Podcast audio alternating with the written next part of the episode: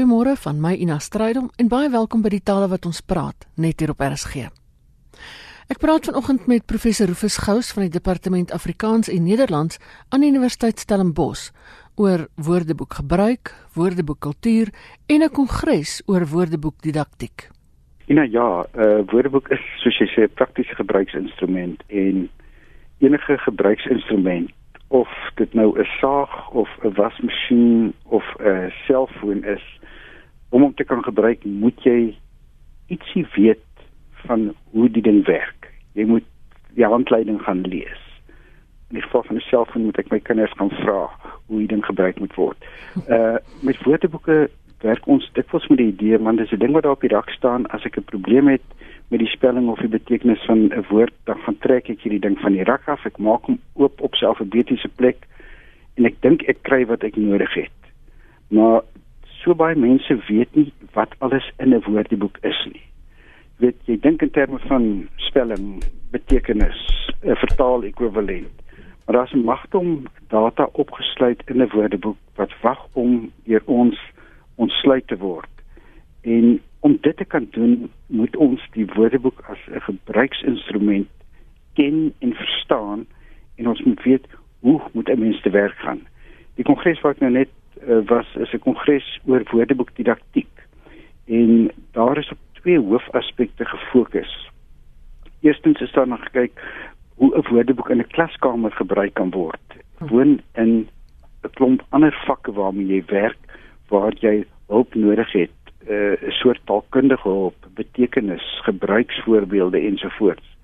Maar dan sal ook gekyk na die mate waarin ons aan leerders op skool reeds die vaardighede om 'n woordeboek te gebruik oorgedra moet kry. Maar nie net aan aan leerders nie, onderwysers moet leer om dit te doen. Daar moet ook opleiding aan voornemende woordeboekmakers gegee word.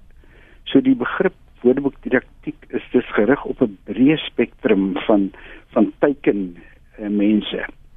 Woordeboekgebruikers, woordeboeksaamstellers en mense wat opleiding in woordeboekgebruik moet gee.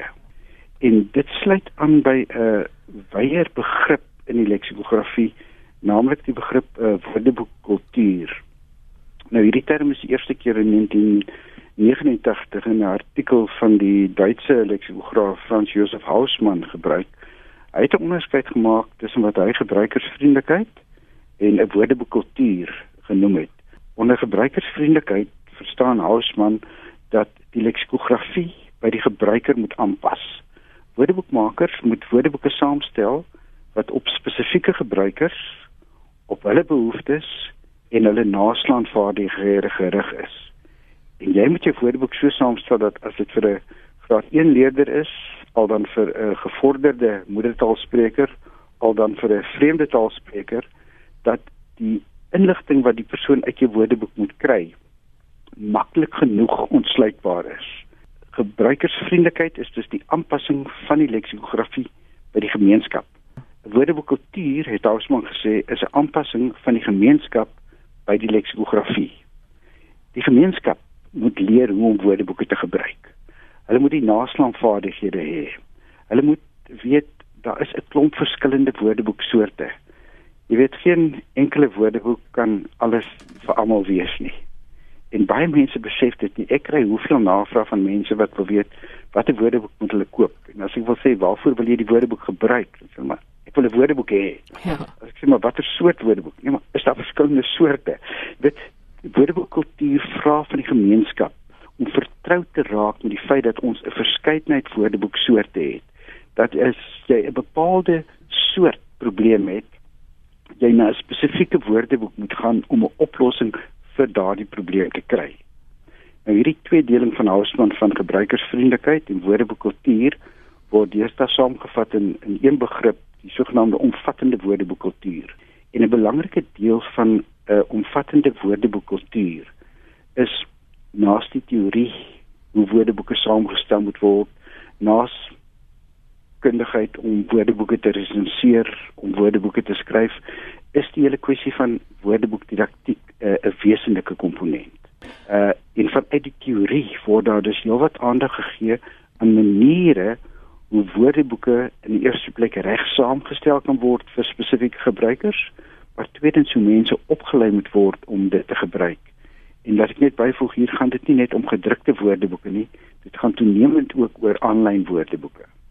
Ja, want dis wat ek nou wil vra. Is daar 'n verskil in hoe mense 'n gedrukte woordeboek gebruik en hoe mense 'n aanlyn woordeboek gebruik? Ja en nee. Ehm um, weet as ons na die teorie van woordeboeke kyk, dis 'n teorie wat ontwerp is vir gedrukte woordeboeke. Ja. Uiteraard dis in die tyd voor die aanlyn woordeboeke. Met die koms van aanlyn woordeboeke het ons ongelukkige klomp woordeboeke gekry wat saamgestel is deur mense wat 'n stuk uh, kundigheid in die vlak van die elektronika of die rekenaarwetenskap of wat ook al gehad het, maar nie genoeg leksikografiese kundigheid nie. En 'n klomp van die vroeë aanlyn woordeboeke is regtig nie goeie woordeboeke gewees nie. Intussen het die teoretiese leksikografie aanpassings gemaak om ook modelle te kan ontwerp vir die saamstel van aanlyn woordeboeke. Nou is dit so, daar is sommige goed wat in sowel gedrukte as aanlyn woordeboeke gaan wees. Maar daar sekerre kenmerke wat uniek is aan elk van hierdie twee soort goed. Om by jou vraag te kom, as jy mense aanlyn woordeboek gebruik, het jy ander toegangsroetes wat jy na die data kan volg. Met 'n gedrukte woordeboek wat alfabeties geordeer is, gaan jy gewoon op die alfabet af en jy kom by die woord en as jy 'n uh, meervoudsvorm van die woord wil hê of 'n woordsoort of 'n betekenis of wat ook al dan gaan jy maar mooi deur hierdie woordeboek artikeltjie tot jy gekry het wat jy nodig het.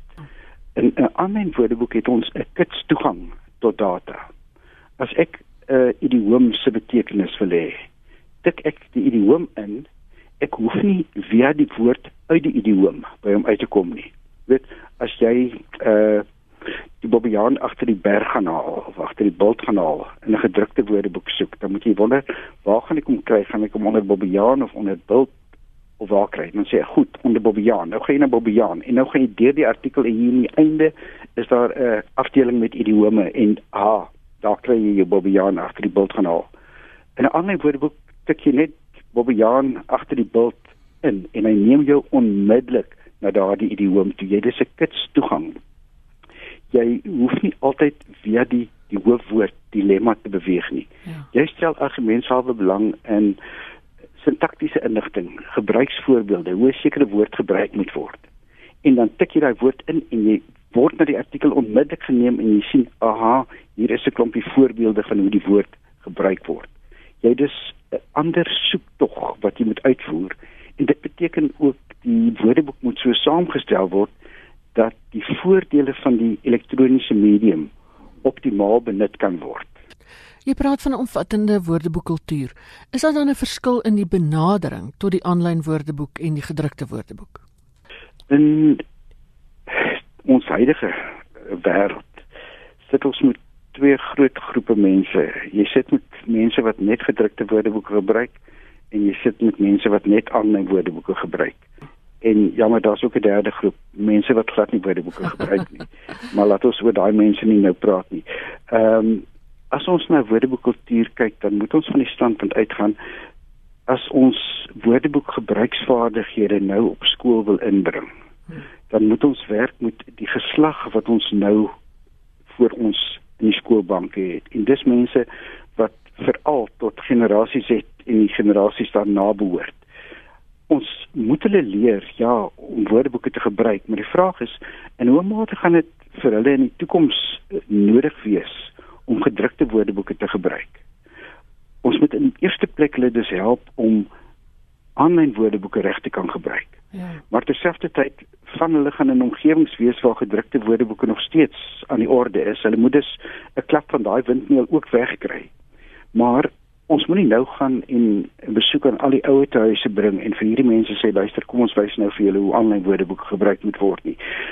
Daar moet nog altyd goeie gedrukte woordeboeke vir hulle beskikbaar wees. Ja. En 'n woordeboekkultuur moet dus daarvoor voorsiening maak dat in die uh aanbieding van woordeboekvaardighede, in die ontwikkeling van woordeboekvaardighede, die een gedoen moet word en die ander nie nagelaat moet word nie. Vir hierdie groep gebruikers wat primêr gebruikers van aanlyn woordeboeke is, moet al die voordele van hierdie woordeboeksoort, die nuwe soort toegang wat jy daartoe het, die feit dat jy in so 'n woordeboek data kan aanbied wat vir jou 'n skakel is na ander bronne buitekant die woordeboek. Jy sit dus nie net met 'n enkel bron nie. Jy jy sit met 'n bron wat jou toegang gee tot 'n hele reeks buite woordeboekbronne. Iets wat jy nie in 'n gedrukte woordeboek het nie. En wat hier belangrik is is om mense onder die indruk te bring dat jy nie meer net met 'n geïsoleerde produk sit nie. Jy sit regtig met 'n 'n bron wat vir jou die poort van kennis kan wees, wat jy na 'n hele klomp ander goed buite daardie bepaalde bron kan lei. En jy weet dit bring ons by 'n ander punt is naamlik dat uh, 'n uh, woordeboek moet nie geïsoleerd gesien word nie. Hy moet as deel van 'n breë versameling van naslaan uh werk gesien word. Ons moet nie net woordeboek gebruiksvaardighede aanleer nie. Deur daardie woordeboek gebruiksvaardighede leer ons eintlik naslaan vaardighede aan wat in 'n veel wyeer verband gebruik kan word. Jy praat van woordeboekdidaktiek. Hoe bring 'n mens die vaardighede van woordeboekgebruik by kinders in 'n klas uit? Dit is die groot groot groot versigtiging wat die meeste leksikograwe het om daai inligting by 'n groot klomp mense uit te bring. Ehm um, dit is mynsinsiens die opdrag van taaldepartemente aan universiteite om aan hulle studente 'n uh, komponent of twee in die leksikografie te gee vir al die mense wat in die onderwys ingaan maar ook mense wat elders gaan werk weet woordeboeke bly voortdurend gebruiksinstrumente waaraan 'n mens behoefte het en jy moet weet hoe om daai ding goed en reg en gou te kan gebruik maar dan moet voornemende onderwysstudente 'n uh, dosis teoretiese leksikografie onder die knie kry. En dan is ideaal die ideaal wanneer hulle met hulle onderwysopleiding besig is in onderwysfakulteite en opvoedkundefakulteite dat in die vak didaktiek ja. daar aandag gegee kan word aan hoe moet hulle met 'n woordeboek in die klaskamer omgaan op twee maniere. Jy weet, hoe moet die woordeboek gebruik word as 'n hulpmiddel in die klas? Maar tweedens, hoe moet uh, leerders opgelei word om ook buite die klas woordeboeke te kan gebruik. En en daardie faset kom wel in sommige programme aan sommige universiteite en sommige opvoedkundefakulteite aan die orde, maar nog nie genoegsaam nie. Ons het so 'n bietjie gepraat oor die woordeboekkultuur. Maar hoekom is dit nodig dat daar 'n spesifieke benadering moet wees tot die gebruik van woordeboeke? Ehm um, ek wil nie sê omdat woordeboeke daar is nie. maar hulle is daar. En ons moet hulle gebruik en ons moet weet hoe om hulle te gebruik. En dit is weer die tweedeling waarna ek net nou verwys het van gebruikersvriendelikheid en dan die ouer verskraalde begrip van 'n woordeboekkultuur. Woordeboekmakers moet 'n woordeboek so saamstel uh dat 'n spesifieke tekengebruiker se spesifieke behoeftes en sy spesifieke naslaanvaardighede in ag geneem word met die saamstel van 'n woordeboek. En dan moet daardie gebruiker binne die gemeenskap waar hy of sy is die genoegsame woordeboekkultuur hê om daardie woordeboek reg te kan gebruik. En dit is waar 'n stuk onderrig nodig is. Ja eh, mens kan 'n woordeboek gebruik sonder dat jy ooit 'n snarf woordeboekopleiding gehad het. Maar jy gaan 'n woordeboek nie optimaal kan gebruik nie. Ek het al verskeie kere uh, toetsie gedoen met van my voorgraadse studente. Dan gee ek vir hulle 'n bladsy of twee te woordeboek en ek sê reg, kom ons praat hieroor. Watter inligting kan julle alles aan dit wat daar voor julle staan onttrek? Weet, en dan volgens my 'n paar voor die hand liggende goed sê, die spelling van die woord en die betekenis en die dit en dat. En as ek sê en wat nog? Dan raak die antwoorde al hoe minder en op kol is daar geen verdere antwoorde nie, maar dan staan 'n klomp goed wat in die woordeboek staan wat miskien nie so eksplisiet is soos die verklaring van betekenis of die spelling van 'n woord nie. Daar word sinonieme aangedui op 'n implisiete manier. Daar word gebruiksverskille in die verskillende betekeniswaardes van 'n woord aangedui. En hulle besef nie wat is hier aan die gang nie. Weet in 'n tweetalige woordeboek kry jy 'n woord en jy kry vertaal ekwivalente vir daardie woord en jy kry argumente oor die woord betrokke in 'n Afrikaans-Engelse woordeboek en dan word cloudy en overcast en committed vir jou gegee. En tussen cloudy en overcast is daar 'n komma en tussen overcast en committed is daar 'n komma punt. En dis nie net leestekens daar nie. Hulle is merkers van daai daai kommaatjie tussen cloud en overcast sê vir jou luister, hierdie twee woorde is sinonieme. Jy kan hulle in dieselfde konteks as vertaal-ekwivalente gebruik.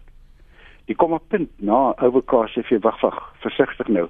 Die woord wat hier nakom is 'n vertaal-ekwivalent vir 'n ander betekeniswaarde van die brontaalwoord van betrokke. Weet, en iemand wat nie stukkie woordeboekvaardigheid het nie, gaan gewoon sê het ons drie woorde waarmee ek die woord betrokke kan vertaal. Iemand wat ietsie meer geweet het sal sê ja, ons het drie woorde, maar jy kan twee van hulle in dieselfde konteks gebruik en die derde kan jy nie in daardie konteks gebruik nie. Jy moet op 'n ander manier op 'n ander plek gebruik. Weet, en daar's talle sulke stukkies implisiete uh kennis wat nodig is ja. om die woordeboek sinvol te kan gebruik. En die inligting is in die woordeboek self vervat in daai eerste paar bladsye, nie waar nie? Ehm um, dit is hier nou 'n gedrukte dan. Uh jy weet uh, enige woordeboek moet uh, 'n uh, toeligtingsteks hê waar jy gebruikershandleiding kry. En weer eens, ons het net nou na 'n nuwe wasmasjien gebruik as verwys. As ek 'n nuwe wasmasjien kry voor ek my hemp in die wasmasjien gooi, lees ek eers wat is die handleiding? Wat sê hulle? Watter program moet ek gebruik? Ja. 'n Woordeboek het ook 'n handleiding die ding moet gelees word. En daar behoort 'n mens hierdie inligting te kry, maar ongelukkig alle woordeboekmakers is nie sensitief genoeg vir die behoeftes van hulle gebruiker om die stelsel van die woordeboek voldoende te verklaar nie. Hmm. Dit ons sê dikwels in die leksikografie, uh die opsteller van 'n woordeboek mag hom of haar nie beroep op die intuïsie van die gebruiker nie. Jy mag nie dink die gebruiker gaan mos weet dis hoef ek dit nie te sê nie. Ja. Die gebruiker gaan mos nie weet nie, daarom gebruik hy die woordeboek. En uh, die stelsel van die woordeboek moet so uitvoerig en so eksplisiet as moontlik in die toeligtingsteks uh, uiteengesit word. En ek dink een van die uh, eerste uh, kriteria wanneer mense woordeboek beoordeel as jy nou voor die rak staan en 'n woordeboek moet koop, uh kyk het die woordeboek 'n ordentlike toeligtingsteks. Hmm want dit sê twee goed vir jou. Dit sê ja, het ek 'n handleiding hoe ek as gebruiker met hierdie woordeboek moet omgaan. Maar tweedens dit sê ook vir jou die opsteller van die woordeboek het aan my as gebruiker gedink of het nie aan my as gebruiker gedink. Maar hoe gemaak met die verduideliking as jy by 'n aanlyn woordeboek dan nou direk uitkom by dit waarna jy soek? Ja. Ehm um, elektroniese woordeboek het ook 'n handleiding.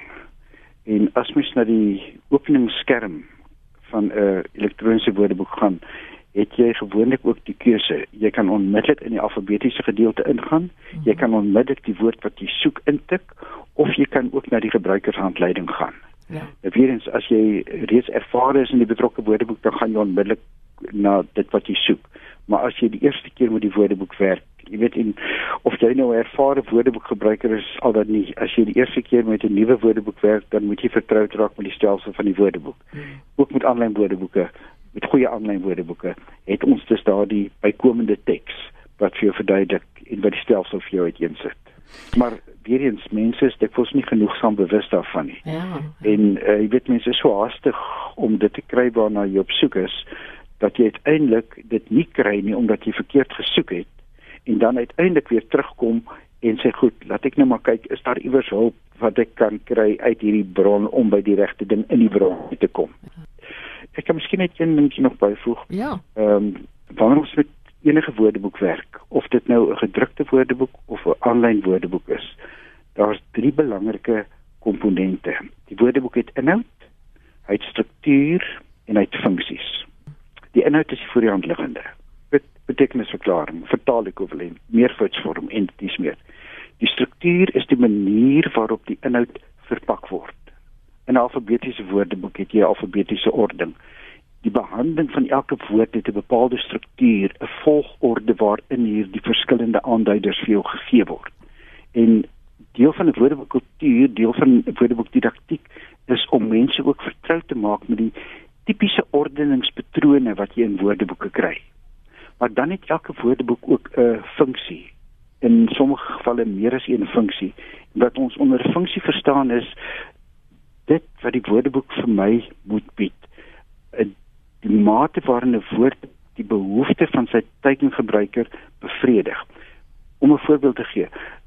Sommige kere gebruik jy 'n woordeboek omdat jy 'n verklaring van 'n woord soek. Dan jy teksbegrip funksie, die teksbegrip behoefte. In ander gevalle weet jy wat die woord beteken, maar hoe gebruik ek hierdie woord? Watter voorsetsel gaan met 'n bepaalde naamwoord saam? Watter werkwoord gebruik ek saam met hierdie naamwoord? Jy wil dus die woord aktief gebruik en dan jy 'n teksproduksie funksie en 'n teksproduksie behoefte. En dan moet jy weet jy gaan nou 'n woordeboek nodig hê wat nie net vir die verklaring van die betekenis of die vertaal ekwivalente gee nie, maar wat vir jou gebruiksvoorbeelde gaan gee om tipies te wys hoe hierdie woord in die werklike taalgebruik voorkom. En in die beplanning van 'n woordeboek in die onderrig van woordeboeke moet inhoud, struktuur en funksies aan die orde kom. En mense moet bewus wees van daai driedeling waarmee jy werk. Dit was een van die land se voorste leksikograwe, professor Rufus Gous van die Universiteit van Stellenbosch. En net voor ek groet. Op 14 November bied Viva en RSG 'n simposium aan oor Afrikaans oor die radio, hoe taal verander en die tegnologie geleenthede vir radio. Dis gratis, maar daar's net plek vir 60 mense. As jy belangstel, registreer by viva-afrikaans.org/simposium. Ek herhaal viva-afrikaans.org skuinstreep simposium. En daarmee is dit tyd om te groet. Van my Ina Strydom groete tot 'n volgende keer.